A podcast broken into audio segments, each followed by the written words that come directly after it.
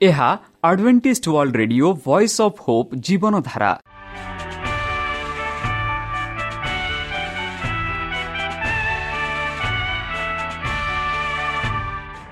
Odia radio କାର୍ଯ୍ୟକ୍ରମ ଯାହା ଆମର ଆନ୍ତର୍ଜାତୀୟ ଆଘାତ କେନ୍ଦ୍ରରୁ ପ୍ରସାରଣ କରାଯାଉଛି ପ୍ରତିଦିନ ରାତି ନଅଟା ତିରିଶ ମିନିଟ୍ରେ।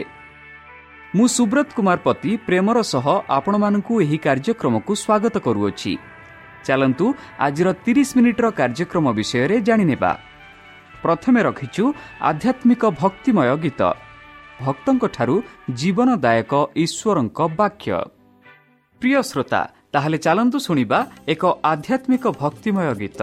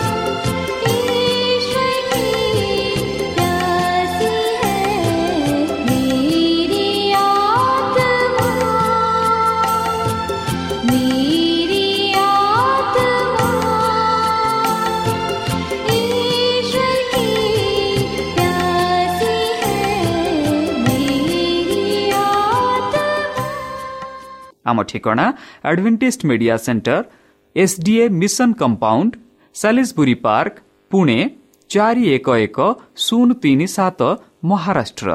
ବା ଖୋଲନ୍ତୁ ଆମର ୱେବ୍ସାଇଟ୍ ଯେକୌଣସି Android phone smartphone desktop laptop କିମ୍ବା ଟ୍ୟାବ୍ଲେଟ୍ ଆମର website W W W dot A W R dot O R G slash O R I ଏବଂ W W W dot Adventist Media Centre India dot O R G Adventist Media Centre ଇଣ୍ଡିଆର spelling ହେଉଛି A D N T I S T M E D I A C E N T R E I N D I A ବର୍ତ୍ତମାନ ଚାଲନ୍ତୁ ଶୁଣିବା ଈଶ୍ୱରଙ୍କ ଭକ୍ତଙ୍କଠାରୁ ଈଶ୍ୱରଙ୍କ ଜୀବନଦାୟକ ବାକ୍ୟ ସେମାନଙ୍କୁ ପୃଥିବୀରୁ ବିଚ୍ଛିନ୍ନ ହୋଇଯିବେ ବା କରାଯିବ। ନମସ୍କାର ପ୍ରିୟ ଶ୍ରୋତା ସେହି ସର୍ବଶକ୍ତି ସର୍ବଜ୍ଞାନୀ ପ୍ରେମର ସାଗର ଦୟାମୟ ଅନ୍ତର୍ଜମୀ ଅନୁଗ୍ରହ ପରମ ପିତାଙ୍କ ମଧୁର ନାମରେ ମୁଁ ପାଷ୍ଟର ପୂର୍ଣ୍ଣଚନ୍ଦ୍ର ଆଉ ଥରେ ଆପଣମାନଙ୍କୁ ଏହି କାର୍ଯ୍ୟକ୍ରମରେ ସ୍ୱାଗତ କରୁଅଛି। ସେହି ସର୍ବଶକ୍ତି ପରମେଶ୍ୱର ଆପଣମାନଙ୍କୁ ଆଶୀର୍ବାଦ କରନ୍ତୁ। ଆପଣଙ୍କୁ ସମସ୍ତ ପ୍ରକାର ଦୁଃଖ କଷ୍ଟ ବାଧା କ୍ଲେଶ। ଓ ରୋଗରୁ ଦୂରେଇ ରଖନ୍ତୁ। ଶତ୍ରୁ ସୟତାନ ହସ୍ତରୁ ସେ ଆପଣଙ୍କୁ ସୁରକ୍ଷାରେ ରଖନ୍ତୁ। ତାହାଙ୍କ ପ୍ରେମ ତାହାଙ୍କ ସ୍ନେହ ତାହାଙ୍କ କୃପା ତାହାଙ୍କ ଅନୁଗ୍ରହ ସଦାସର୍ବଦା ଆପଣଙ୍କଠାରେ ସହବର୍ତ୍ତୀ ରହୁ। ପ୍ରିୟ ଶ୍ରୋତା ଚାଲନ୍ତୁ ଆଜି ଆମ୍ଭେମାନେ କିଛି ସମୟ ପବିତ୍ର ଶାସ୍ତ୍ର ବାଇବଲଠୁ ତାହାଙ୍କ ଜୀବନଦାୟକ ବାକ୍ୟ ଧ୍ୟାନ କରିବା। ଆଜିର ଆଲୋଚନା ହେଉଛି ସେମାନଙ୍କୁ ପୃଥିବୀରୁ ବିଚ୍ଛିନ୍ନ କରାଯିବ। ସେମାନେ କିଏ? ପାପୀମାନଙ୍କୁ ଏହି ପୃଥିବୀରୁ ବିଚ୍ଛନ୍ନ କରାଯିବ ବୋଲି ବିଶେଷ ଭାବରେ ଆଜି ଆମେ ଆଲୋଚନା କରିବା। ଏହା ଭାଗ ଏକ। ବନ୍ଧୁ ପୃଥିବୀରେ ଯେତେ ଲୋକ ଅଛନ୍ତି ଭଲ ମନ୍ଦ ଖରାପ ପାପି ଧାର୍ମିକ ସମସ୍ତେ ଅଛନ୍ତି। ସମସ୍ତେ ଏହି ପୃଥିବୀରେ ବାସ କରୁଛନ୍ତି। ମାତ୍ର ଯେବେ ଏହି ପୃଥିବୀ ଶେଷ ହେବ ସେତେବେଳେ ଧାର୍ମିକମାନେ ପରମେଶ୍ୱରଙ୍କ ସହ ରହିବେ। ଆଉ ଯେତେ ଅଧାର୍ମିକ ବା ପାପୀମାନେ ଏହି ପୃଥିବୀରେ ରହିବେ ସେମାନଙ୍କୁ ବିଚ୍ଛିନ୍ନ କରାଯିବ ବୋଲି ପବିତ୍ର ଶାସ୍ତ୍ର ବାଇବଲମାନଙ୍କୁ କହୁଅଛି। ଗତ କେତେଦିନ ଧରି ଆମେ ପାପୀମାନଙ୍କ ବିନଷ୍ଟ ଗ୍ରାସ ବିଷୟରେ ଆଲୋଚନା କରୁଥିଲୁ। ଆଉ କି ପ୍ରକାର ପରମେଶ୍ୱର ଏହି ଜଗତକୁ ବିନଷ୍ଟ କରିବେ ଆଉ ଯେବେ ସେ ବିନଷ୍ଟ କରିବେ ସେତେବେଳେ ପାପୀମାନେ ଏହି ବିନଷ୍ଟ ସମୟରେ ସେମାନେ ମଧ୍ୟ ବିନଷ୍ଟ ହେବେ ବୋଲି ଆମେ ଗତକାଲି ତା ପୂର୍ବେ ବି ଆଲୋଚନା କରିଥିଲୁ। ତାହେଲେ ଚାଲନ୍ତୁ ଆଜି ବିଶେଷ ଭାବରେ ଅଧାର୍ମିକମାନଙ୍କୁ ପାପୀମାନଙ୍କୁ କି ପ୍ରକାର ଏହି ପୃଥିବୀରୁ ସେମାନଙ୍କୁ ବିଚ୍ଛିନ୍ନ କରାଯିବ ତାହା ଆମେ ଦେଖିବା। ପ୍ରକାଶିତ ପୁସ୍ତକ ଯାହା ଜହନଙ୍କ ଦ୍ୱାରା ଲିଖିତ ପ୍ରକାଶିତ କୋଡ଼ିଏ ସାତ ନଅରେ ଆମେ ପାଉଅଛୁ ଏକ ସୌନ୍ଦର୍ଯ୍ୟ ପଦ ଯାହା ଶୈତାନଙ୍କ ବିଷୟରେ କୁହାଯାଉଅଛି ସେହି ସହସ୍ର ବର୍ଷ ଶେଷ ହୁଅନ୍ତି ଶୈତାନର କାରଗାରରୁ ମୁକ୍ତ ହେବ। ସେଥିରେ ସେ ପୃଥିବୀର ଚାରି କୋଣରେ ଥିବା ଜାତି ସମୂହକୁ ଅର୍ଥାତ୍ ସମୁଦ୍ରର ବାଳୁକା ସଦୃଶ୍ୟ ଅସଂଖ୍ୟ ଯେ ଗୋଗ ଓ ମଗୋଗ ସେମାନଙ୍କୁ ଭ୍ରାନ୍ତ କରି ଯୁଦ୍ଧ ନିମନ୍ତେ ଏକତ୍ର କରିବାକୁ ବାହାରିବ ବାହାରି ଯିବ ସେମାନେ ପୃଥିବୀର ପ୍ରସ୍ତରରେ ବିସ୍ତାରିତ ହୋଇ ସାଧୁମାନଙ୍କ ଶିବିର ଓ ପ୍ରିୟତମ ନଗରୀକୁ ବେଷ୍ଟନ କଲେ। ସେତେବେଳେ ସ୍ୱର୍ଗରୁ ଅଗ୍ନି ପଡ଼ି ସେମାନଙ୍କୁ ଗ୍ରାସ କଲା। ବନ୍ଧୁ ପ୍ରକାଶିତ ଭବିଷ୍ୟତ ଭକ୍ତ ଜନ ଲେଖନ୍ତି ପ୍ରକାଶିତ କୋଡ଼ିଏ ସାତରୁ ନଅ। ଯେବେ ହଜାର ବର୍ଷ ଯାହାକି ସହସ୍ର ବର୍ଷ ଶେଷ ହୁଅନ୍ତେ ମାନେ ଏହା ପୂର୍ବେ ଆମେ ଦେଖୁଅଛୁ ଯୀଶୁଖ୍ରୀଷ୍ଟ ଆସନ୍ତି ଆଉ ତାହାଙ୍କ ଲୋକଙ୍କୁ ଯୀଶୁଖ୍ରୀଷ୍ଟ ନିଅନ୍ତି। ଆଉ ସେତେବେଳେ ଶୈତାନ ଆଉ ଯେତେ ପାପୀମାନେ ମୃତ୍ୟୁ ହୋଇଛନ୍ତି ସେ ମୃତ୍ୟୁରେ କବରରେ ରହିବେ। ଆଉ ସୈତାନ ମଧ୍ୟ ଏହି ପୃଥିବୀରେ ଏକେଲା ଥିବ। ଆଉ ତାହାକୁ କାହାକୁ ପରୀକ୍ଷା କରିବା ପାଇଁ ତାକୁ ସୁଯୋଗ ମିଳିବ ନାହିଁ। ଯେହେତୁ ପୃଥିବୀରେ କେହି ନଥିବେ ଆଉ ଯେବେ ଏକ ଏକ ହଜାର ବର୍ଷ ଶେଷ ହେବ ସେତେବେଳେ କାରାଗାର ମୁକ୍ତ ହେବ। ଯେତେ ଲୋକ ଯେତେ ପାପୀମାନେ ସ୍ୱର୍ଗ ରାଜ୍ୟ ଚାହିଁନାହାନ୍ତି ସେମାନଙ୍କ କାରାଗାର ମୁକ୍ତ ହେବ। ଆଉ ସେତେବେଳେ ଶୈତାନ ପୃଥିବୀର ଚାରି କୋଣରେ ଯେତେ ସମୂହ ଲୋକ ଅଛନ୍ତି ଯାହାକି ସମୁଦ୍ରର ବାଲୁକା ସଦୃଶ୍ୟ ଅସଂଖ୍ୟ ବନ୍ଧୁ। ଆପଣମାନେ କେବେ ବି ଚେଷ୍ଟା କରିଛନ୍ତି କି ସମୁଦ୍ରରେ ବା ନଈ କୂଳରେ କେତେ ବାଳି ଅଛି ତାହା ଗଣିବାରେ ଆପଣ ଚେଷ୍ଟା କରିଛନ୍ତି କି ବା କେବେ ବି ଆପଣ ଗଣନା କରି କହିଛନ୍ତି କି କି ସମୁଦ୍ରରେ କେତେ ବାଳି ଅଛି? ମାତ୍ର ଆମେ ଏଠି ପାଉଅଛୁ ଶୈତାନ ସମୁଦ୍ରର ବାଲୁକା ପରି ସେ ଅସଂଖ୍ୟ ଯେ ଗୋଗ ମୁଗ ସେମାନଙ୍କୁ ଭ୍ରାନ୍ତ କରି ଯୁଦ୍ଧ ନିମନ୍ତେ ଏକତ୍ର କରିବାକୁ ବାହାରିବ। କାହିଁକି ସେତେବେଳେ ଆମେ ଦେଖୁ ନୂତନ ଜେରୁସାଲେମ ଯାହା ଆମେ ପ୍ରକାଶିତ ତାର ଅଠର ଉଣେଇଶରେ ପାଉଅଛୁ ନୂତନ ଜେରୁସାଲେମ ଏହି ପୃଥିବୀକୁ ଅବତୀର୍ଣ୍ଣ ହେବ ଆଉ ସେ ନୂତନ ଜେରୁସାଲାମକୁ ଆକ୍ରମଣ କରିବା ପାଇଁ ସେ ନୂତନ ଜେରୁସାଲାମକୁ ନିଜ ଅଧୀନରେ ରଖିବା ପାଇଁ ସେ ପୃଥିବୀର ଚାରି କୋଣ ମାନେ ପୂର୍ବ ପଶ୍ଚିମ ଉତ୍ତର ଦକ୍ଷିଣ ଚାରିପଟ ଯାଇ ଯେତେ ଲୋକକୁ ଭ୍ରମ କରିଥିଲେ ଆଉ ଯେତେ ଲୋକ ମୃତ୍ୟୁ ହୋଇଛନ୍ତି ବର୍ତ୍ତମାନ ସେମାନେ କାରାଗାରରୁ ମୁକ୍ତ ହୁଅନ୍ତି। ଆଉ ସେମାନେ ସମସ୍ତଙ୍କୁ ଏକତ୍ର କରନ୍ତି ଆଉ ସେମାନଙ୍କୁ ଭ୍ରାନ୍ତ କରି ପରମେଶ୍ୱରଙ୍କ ବିରୁଦ୍ଧରେ ଲଢ଼େଇ କରିବା ବା ଯୁଦ୍ଧ କରିବା ପାଇଁ ସେମାନଙ୍କୁ ନିଅନ୍ତି। ମାତ୍ର ଆମେ ଦେଖୁଅଛୁ ସେମାନେ ପୃଥିବୀର ପ୍ରସ୍ତରରେ ବିସ୍ତାରିତ ହୋଇ ସାଧୁମାନଙ୍କ ଶିବର ଓ ପ୍ରିୟତମ ନଗରୀକୁ ବେଷ୍ଟନ କଲେ। ସେହି ପ୍ରିୟତମ ନଗର ହେଉଛି ଜିରୁସାଲେମ। ସେହି ଜେରୁସାଲେମକୁ ଆକ୍ରମଣ କରିବା ପାଇଁ ସେମାନେ ଚେଷ୍ଟା କରନ୍ତି। ମାତ୍ର ସେତେବେଳେ ଯେତେବେଳେ ସେମାନେ ଚେଷ୍ଟା କରୁଛନ୍ତି ଆମେ ଦେଖୁ ସ୍ୱର୍ଗରୁ ଅଗ୍ନି ପଡ଼ି ସେମାନଙ୍କୁ ଗ୍ରାସ କଲା ବୋଲି ଆମେ ଦେଖୁଅଛୁ। ବନ୍ଧୁ ଏହା ହେଉଛି ପାପୀମାନଙ୍କର ବ୍ୟବସ୍ଥା।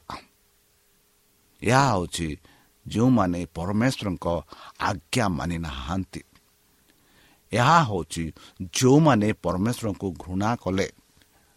ଏହା ହେଉଛି ଯେଉଁମାନେ ପରମେଶ୍ୱରଙ୍କ ଲୋକଙ୍କୁ ଦଣ୍ଡ ଦେଇ ତାଢ଼ଣା ଦେଇ ମିଥ୍ୟା ସାକ୍ଷାରେ ମୃତ୍ୟୁକରଣ ମୃତ୍ୟୁର ଆଦେଶ ଦେଇ ଦେଇଛନ୍ତି ସେମାନଙ୍କର ବ୍ୟବସ୍ଥା। ବନ୍ଧୁ ଦ୍ୱିତୀୟ ପିତର ତିନି ନଅଠୁ ବାର ଆଉ ତେରରେ ଆମେ ପାଉଅଛୁ। ଏକ ସୁନ୍ଦର ଭାବରେ ପିତର ଲେଖନ୍ତି ଏହିପରି ବିଳମ୍ବ ବୋଲି ଯେପରି କେତେକ ଭାବନ୍ତି ବନ୍ଧୁ ଆମେ ବେଲେ ବେଲେ କହୁ ଏହା ବିଳମ୍ବ ବିଳମ୍ବ ହେଉଅଛି। ମାତ୍ର ଏଠି ପିତର ଲେଖନ୍ତି ବିଳମ୍ବ ବୋଲି ଯେପରି କେତେକ ଭାବନ୍ତି ପ୍ରଭୁ ଆପଣା ପ୍ରତିଜ୍ଞା ବିଷୟରେ ସେପରି ବିଳମ୍ବ କରନ୍ତି ନାହିଁ କିନ୍ତୁ ଯେପରି କେହି ବିନଷ୍ଟ ନୁହନ୍ତି ବରଂ ସମସ୍ତେ ମନ ପରିବର୍ତ୍ତନ କରନ୍ତି ଏହା ଇଚ୍ଛା କରି ସେ ତୁମମାନଙ୍କ ପ୍ରତି ଦୀର୍ଘ ସହିଷ୍ଣୁତ ଅଟନ୍ତି। ପ୍ରଭୁଙ୍କ ଦିନ ଚୋର ପରି ଉପସ୍ଥିତ ହେବ। ସେହିଦିନ ଆକାଶ ମଣ୍ଡଳ ମହାଶବ୍ଦ ସହ ଲୋପ ପାଇବ। ପୁଣି ମୌଳିକ ବସ୍ତୁ ସବୁ ପ୍ରଚଣ୍ଡ ତାପରେ ତଳିଯିବ ଏବଂ ପୃଥିବୀ ଓ ତନ୍ତସ୍ତ ମନୁଷ୍ୟକୁ ବସ୍ତୁ ସବୁ ଦଗ୍ଧ ହେବ ବନ୍ଧୁ। ଆମେ ଅଧିକାଂଶ ସମୟରେ ଈଶ୍ୱରଙ୍କ ବାକ୍ୟ ଦ୍ୱାରା ପ୍ରଚାରଙ୍କ ମାଧ୍ୟମ ଦ୍ୱାରା ବାଇବଲ ବାଇବଲ ଦ୍ୱାରା ଆମେ ଦେଖୁଅଛୁ ଯୀଶୁଖ୍ରୀଷ୍ଟ ବହୁ ଶୀଘ୍ର ଆସୁଅଛନ୍ତି।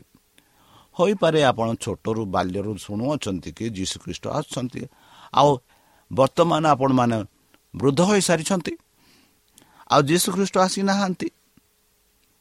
ଆଉ ସେତେବେଳେ ଆମେ ଭାବୁ ଯେ କି ଯୀଶୁ ଖ୍ରୀଷ୍ଟ ଯେପରି କହିଥିଲେ ତାହା କହିବାର ବିଳମ୍ବ ହେଉଛି ବୋଲି। ମାତ୍ର ଏଠି ପିତରମାନଙ୍କୁ ଆଶ୍ୱାସନା ଦେଉଛନ୍ତି କି ପ୍ରଭୁ ଆପଣା ପ୍ରତିଜ୍ଞା କେବେ ହେଲେ ବିଳମ୍ବ କରନ୍ତି ନାହିଁ। କାହିଁକି ବିଳମ୍ବ କରୁଛନ୍ତି? ପ୍ରଭୁଙ୍କ ଆଗମନ ସେ ଚାହାନ୍ତି କି କେହି ବି ବିନଷ୍ଟ ନୁହନ୍ତି। ପ୍ରଭୁଙ୍କର ଇଚ୍ଛା ଏହା କି ସମସ୍ତେ ପରିତ୍ରାଣ ଲାଭ ପାଆନ୍ତୁ। ସମସ୍ତେ ତାହାଙ୍କଠାରେ ବାସ କରନ୍ତୁ। ସମସ୍ତେ ତାହାଙ୍କ ସହ ସେହି ସ୍ୱର୍ଗ ରାଜ୍ୟ ଯାଆନ୍ତୁ। ଏହା ହେଉଛି ପ୍ରଭୁଙ୍କ ଇଚ୍ଛା। ଆଉ ଏ ଇଚ୍ଛା ଯୋଗୁଁ ପରମେଶ୍ୱର ଚାହାନ୍ତି କି ସମସ୍ତେ ମନ ପରିବର୍ତ୍ତନ କରି ଯେପରି ମନ ପରିବର୍ତ୍ତନ କରିବେ ତାହାଙ୍କୁ ମାନିବେ ଆଉ ଯେପରି ସେମାନେ ସ୍ୱର୍ଗରାଜ୍ୟରେ ଯିବାର ଯୋଗ୍ୟ ହୋଇପାରିବେ ଏଥି ନିମନ୍ତେ ପରମେଶ୍ୱର ଯୀଶୁଖ୍ରୀଷ୍ଟ ବିଳମ୍ବ କରୁଛନ୍ତି। ଆଉ ଏହା ହେଉଛି ତାଙ୍କର ଇଚ୍ଛା ବୋଲି ଆମେ ପାଉଅଛୁ। ସେ ତୁମମାନଙ୍କ ପ୍ରତି ଦୀର୍ଘ ସହିଷ୍ଣୁତ ଅଟନ୍ତି ବୋଲି ପିତରାମାନଙ୍କୁ କହୁଛନ୍ତି। କାରଣ ପିତର ବିଆମାନଙ୍କୁ ଚେତାବନୀ ଦେଇ କହୁଛନ୍ତି ବନ୍ଧୁ କି ପ୍ରଭୁଙ୍କ ଦିନ ଚୋର ପରି ଉପସ୍ଥିତ ହେବ। ଆମେ କେତେବେଳେ କେଉଁ ସମୟରେ କେଉଁ ମାସରେ କେଉଁ ରାତିରେ ଆମ ଘରେ ବା ଆମ ପଡ଼ୋଶୀ ଘରେ ବା ଆମ ସମାଜରେ ଚୋରମାନେ ପ୍ରବେଶ କରିବେ ଏହା ଆମେ ଜାଣୁ କି ନା ନା ଆମେ ଜାଣିନୁ ନା ସେହିପରି ପରମେଶ୍ୱରଙ୍କ ଆଗମନ ଆମେ ଜାଣୁନା ମାତ୍ର ପରମେଶ୍ୱର ନିଶ୍ଚିତ ଭାବେ ଆସିବେ ତାହା ଆମେ ଜାଣିଛୁ ମାତ୍ର ପ୍ରଭୁଙ୍କର ଆଗମନ ବିଷୟରେ ଆମେ ପାଉଅଛୁ ତାଙ୍କ ଆଗମନ ସମୟରେ କ'ଣ କ'ଣ ଘଟିବ ତାହା ପବିତ୍ର ଶାସ୍ତ୍ର ଦ୍ୱାରା ଆମେ ଜାଣୁଅଛୁ। ମାନେ ଯାହା ଯାହା ବର୍ତ୍ତମାନ ଘଟୁଅଛି ଯାହା ଯାହା ଘଟି ସାରିଛି ଯାହା ଯାହା ଘଟିବାକୁ ଯାଉଅଛି ଏହା ଆମମାନଙ୍କୁ ସତର୍କବାଣୀ ଦେଇ କହୁଅଛି କି ଯୀଶୁଖ୍ରୀଷ୍ଟଙ୍କ ଆଗମନ ବହୁତ ସନ୍ନିକଟ। ସେଠିରେ ପିତର ଲେଖନ୍ତି ସେହିଦିନ ଆକାଶ ମଣ୍ଡଳ ମହାଶବ୍ଦ ସହ ଲୋପ ପାଇବ। ଆକାଶ ମଣ୍ଡଳ ମହାଶବ୍ଦ ପଡ଼ରଡ଼ିରେ ଲୋପ ପାଇବ। ପୁଣି ମୌଳିକ ବସ୍ତୁ ସବୁ ପ୍ରଚଣ୍ଡ ଉତ୍ତାପରେ ତଳିଯିବ ମୌଳିକ। ସେ ଯେଉଁ ଯେତେ ମୌଳିକ ଜିନିଷ ବସ୍ତୁ ଗୁଡ଼ାକ ବର୍ତ୍ତମାନ ପୃଥିବୀରେ ଅଛି ସେସବୁ ପ୍ରଚଣ୍ଡ ଉତ୍ତାପ୍ତରେ ତଳିଯିବ ଆଉ ତାହା ନୁହେଁ ଏବଂ ପୃଥିବୀ ଓ ତନ୍ତ ମଧ୍ୟସ୍ଥ ମନୁଷ୍ୟକୃତ ବସ୍ତୁ ସବୁ ଦଗ୍ଧ ହେବ। ବର୍ତ୍ତମାନ ଯଦି ଆମେ ଦେଖିବା ଆମ ପୃଥିବୀରେ ଆମ ପୃଥିବୀରେ ଆମ ଆଖପାଖରେ ଆମ ଦେଶରେ ମନୁଷ୍ୟକୃତ ବସ୍ତୁ ଗୁଡ଼ାକ ବହୁତ ଆକାରରେ କରିଛନ୍ତି। ଆଉ ସେହି ଜିନିଷ ଗୁଡ଼ାକ ଦଗ୍ଧ ହୋଇଯିବ ନଷ୍ଟ ହୋଇଯିବ ସେଗୁଡ଼ାକ ରହିବ ନାହିଁ। ଆମେ ଯଦି କହିବା ତାଜମହଲ ଏଲୋରା ଅନେକ ପ୍ରତିଷ୍ଠା ବହୁତ ଜଣା ପରିଚୟ ଜାଗା ଗୁଡ଼ାକ ଯାହା ଆମେ ମଣିଷଙ୍କ ଦ୍ୱାରା ଗଠିଥିଲେ। ସେହିସବୁ ଦଗ୍ଧ ହୋଇଯିବ ନଷ୍ଟ ହୋଇଯିବ। ଆଉ ଏହାଦ୍ୱାରା ଆମେ ଜାଣିପାରିବା ଯେ ଯୀଶୁଖ୍ରୀଷ୍ଟଙ୍କ ଆଗମନ ସହ ନିକଟ ବହୁ ନିକଟ। ଆଉ ସେ ଆଗକୁ କହନ୍ତି ଏହି ସମସ୍ତ ବିଷୟ ଏହି ପ୍ରକାରେ ଲୁପ୍ତ ହେବାରୁ ଈଶ୍ୱରଙ୍କ ଯେଉଁ ଦିନରେ ଆକାଶ ମଣ୍ଡଳ ଜଳି ଉଠି ଲୁପ୍ତ ହେବ ଓ ମୌଳିକ ବସ୍ତୁ ସବୁ ପ୍ରଚଣ୍ଡ ଉତ୍ତାପ୍ତରେ ତଳିଯିବ ସେହି ଦିନର ଆଗମନର ଅପେକ୍ଷା କରି। ତାହା ଯେପରି ଶୀଘ୍ର ଆସିବ ଏଥିପାଇଁ ତୁମମାନଙ୍କ କିପରି ସଦାଚାରୀ ଓ ଧର୍ମର ଧର୍ମପରାୟଣ ହେବା ଉଚିତ? ଆମ୍ଭେମାନେ ତାହାଙ୍କ ପ୍ରତିଜ୍ଞାକୁ ପ୍ରତିଜ୍ଞାନୁସାରେ ଗୋଟିଏ ନୂତନ ଆକାଶମଣ୍ଡଳ ଓ ନୂତନ ପୃଥିବୀର ଅପେକ୍ଷାରେ ଅଛୁ ଯାହା ଧାର୍ମିକତାର ଅବାସ୍ଥଳ ହେବ। ବନ୍ଧୁ କେଡ଼େ ସୁନ୍ଦର ଭାବରେ ପିତର ମାନଙ୍କୁ ବୁଝାଇ କହୁଛନ୍ତି କି ଏହି ସମସ୍ତ ବିଷୟ ଏହି ପ୍ରକାର ଲୁପ୍ତ ହେବାକୁ ହେବ। ଆଉ ସେହି ଦିନ ପାଇଁ ଆମେ ଅପେକ୍ଷାରେ ଅଛୁ। ଆଉ ସେହି ଦିନ ଆଗମନ ଅପେକ୍ଷାରେ ଆମେ ଅଛୁ। ଆଉ ତାହା ବହୁ ଶୀଘ୍ର ହେବା ପାଇଁ ଆମେ ପ୍ରାର୍ଥନା କରିବାକୁ ପଡ଼ିବ ପଡ଼ିବ ଆଉ ଅପେକ୍ଷାରେ ଥିବାକୁ ପଡ଼ିବ। ଆଉ ସେଥିପାଇଁ ଆମେ ଆମ ଜୀବନକୁ ସଦାଚାରୀ ଓ ଧାର୍ମିକ ପରାୟଣ ଜୀବନରେ ବଞ୍ଚିବାକୁ ପଡ଼ିବ। ତାହା ନୁହେଁ ତାହାଙ୍କ ପ୍ରତିଜ୍ଞା ଅନୁସାରେ କି ତାହା ଗୋଟିଏ ନୂତନ ଆକାଶମଣ୍ଡଳ ନୂତନ ପୃଥିବୀ ଅପେକ୍ଷାରେ ଯାହା ଧାର୍ମିକତାର ଅବସ୍ଥାନ ହେବ ତାହା ପାଇଁ ଆମେ ଅପେକ୍ଷାରେ ଥିବାକୁ ପଡ଼ିବ। ବନ୍ଧୁ ଯୀ ଶ୍ରୀଖ୍ରୀଷ୍ଟ ବହୁତ ଶୀଘ୍ର ଆସୁଅଛନ୍ତି ଆଗକୁ ଜିସାୟ ଭବିଷ୍ୟତ ଭକ୍ତା ଲେଖନ୍ତି ଏହିପରି ଜିସାୟ ଚବିଶ ଏକୋଇଶରେ ଆମେ ପାଉଅଛୁ। ଜିସାୟ ଭବିଷ୍ୟତ ଭକ୍ତା ପୁରାତନ ନିୟମରେ ଯୀଶୁଖ୍ରୀଷ୍ଟଙ୍କ ଜନ୍ମ ପୂର୍ବରୁ ଲେଖିଛନ୍ତି ଏହିପରି କି ପୁଣି ସେହି ଦିନ ବା ସେ ଦିନ ସଦାପ୍ରଭୁ ଉର୍ଦ୍ଧ୍ୱରେ ଉର୍ଦ୍ଧ୍ୱସ୍ତମାନଙ୍କ ସୈନ୍ୟମାନଙ୍କ ମାନନ୍ତକୁ ଓ ଭୂମଣ୍ଡଳରେ ଭୂମଣ୍ଡଳସ୍ଥ ରାଜଗଣକୁ ପ୍ରତିଫଳ ଦେବେ। ଦେଖନ୍ତୁ ଉର୍ଦ୍ଧ୍ୱସ୍ତ ଉର୍ଦ୍ଧ୍ୱସ୍ତମାନଙ୍କ ସୈନ୍ୟମାନଙ୍କୁ ଓ ଭୂମଣ୍ଡଳରେ ଭୂମଣ୍ଡଳସ୍ଥ ରାଜଗଣକୁ ପ୍ରତିଫଳ ଦେବେ ବୋଲି ଜେସାହ ଭବିଷ୍ୟତ ବକ୍ତା ଘୋଷଣା କରି କହୁଅଛନ୍ତି। ବନ୍ଧୁ ଆଉ ଥରେ ପିତର କହନ୍ତି ଦ୍ୱିତୀୟ ପିତର ଦୁଇ ନରେ ଏହି ପ୍ରକାରେ ପ୍ରଭୁ ଧର୍ମପରାୟଣମାନଙ୍କୁ ପରୀକ୍ଷାରୁ ରକ୍ଷା କରିବାକୁ ପୁଣି ଅଧାର୍ମିକମାନଙ୍କୁ ବିଶ୍ୱସ୍ତ ଯେଉଁମାନେ ଶାରୀରିକ କୁସ୍ଥିତ କାମାଭିଳାସରେ ଚାଲିତ ହୋଇ ପ୍ରଭୁତ୍ୱ ଅବଜ୍ଞା କରନ୍ତି ସେମାନଙ୍କୁ ବିଚାର ଦିନ ନିମନ୍ତେ ଦଣ୍ଡର ଅଧୀନରେ ରଖିବାକୁ ଜାଣନ୍ତି। ବନ୍ଧୁ ଧର୍ମପରାୟଣମାନଙ୍କୁ ପରୀକ୍ଷାରୁ ରକ୍ଷା କରିବାକୁ ପୁଣି ଅଧାର୍ମିକମାନଙ୍କୁ ବିଶେଷତଃ ଯେଉଁମାନେ ଶରୀରର ପୁସ୍ତିକ କାମାଭିଳାସରେ ଚାଲିତ ହୋଇଛନ୍ତି। ପ୍ରଭୁତ୍ୱ ଅବଜ୍ଞା କରିଛନ୍ତି ସେମାନଙ୍କୁ ବିଚାର ଦିନ ନିମନ୍ତେ ଦଣ୍ଡର ଅଧୀନରେ ରଖିବାକୁ ସେ ଜାଣନ୍ତି ବୋଲି ପିତର କହନ୍ତି।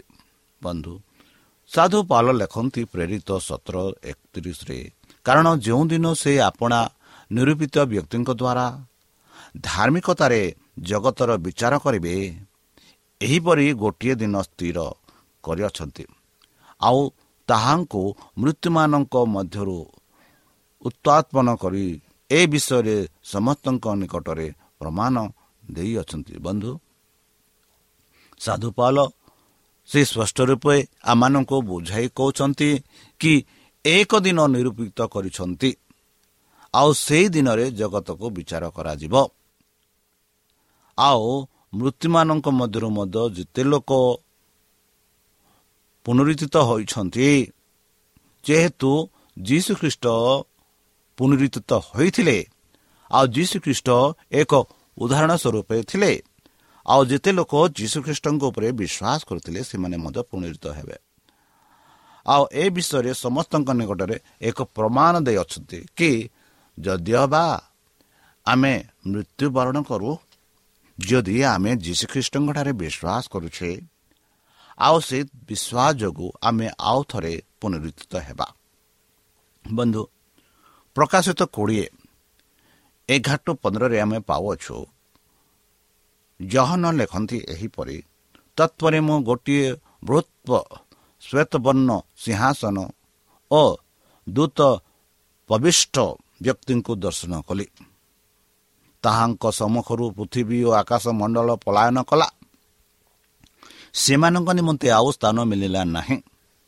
ପୁଣି ମୁଁ କ୍ଷୁଦ୍ର ଓ ମହାନ ସମସ୍ତ ମୃତ୍ୟୁ ଲୋକଙ୍କୁ ସିଂହାସନର ସମ୍ମୁଖରେ ଠିଆ ହୋଇଥିବାର ଦେଖିଲି।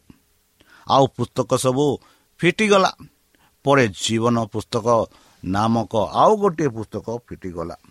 ସେହି ପୁସ୍ତକମାନଙ୍କର ଲିଖିତ ବିଷୟ ପ୍ରମାଣେ ମୃତ୍ୟୁମାନେ ଆପଣା ଆପଣା କର୍ମ ଅନୁସାରେ ବିଚାରିତ ହେଲେ।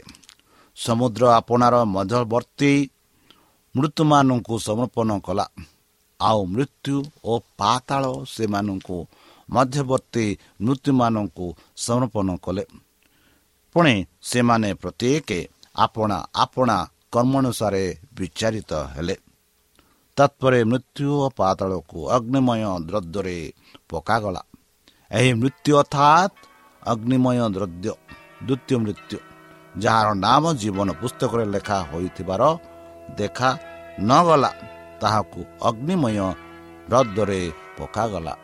ବନ୍ଧୁ କେଡ଼େ ସୁନ୍ଦର ଭାବରେ ଆମେ ପାଉଅଛୁ। ଈଶ୍ୱରଙ୍କ ପ୍ରେମ ଈଶ୍ୱରଙ୍କ ପ୍ରତିଜ୍ଞା ଈଶ୍ୱରଙ୍କ ବିଚାର ଈଶ୍ୱରଙ୍କ ଆଗମନ ବିଷୟରେ। ତାହେଲେ ଆମେ ନିଜେ ନିଜକୁ ପ୍ରସ୍ତୁତି ହେବାର ଅଛି। ଯଦି ଆମେ ପ୍ରସ୍ତୁତି ହେବା ନିଶ୍ଚିତ ଭାବେ ଯେବେ ଯୀଶୁଖ୍ରୀଷ୍ଟ ଆସିବେ ସେତେବେଳେ ଆମେ ସମସ୍ତେ ମିଶି ସେ ସ୍ୱର୍ଗ ରାଜ୍ୟକୁ ଯାଇପାରିବା। ତାହେଲେ ଚାଲନ୍ତୁ ନିଜକୁ ସମର୍ପଣ କରେ ତାହାଙ୍କ ମଧୁର ନାମରେ ଆମେ ପ୍ରାର୍ଥନା ଅର୍ପଣ କରିବା। ହେ ଆମ୍ଭମାନଙ୍କ ସର୍ବଶକ୍ତି ସର୍ବଜ୍ଞାନୀ ପ୍ରେମର ସାଗର ଦୟାମୟ ଅନ୍ତର୍ଜମୀ ଅନୁଗ୍ରହ ପରମ ପିତା।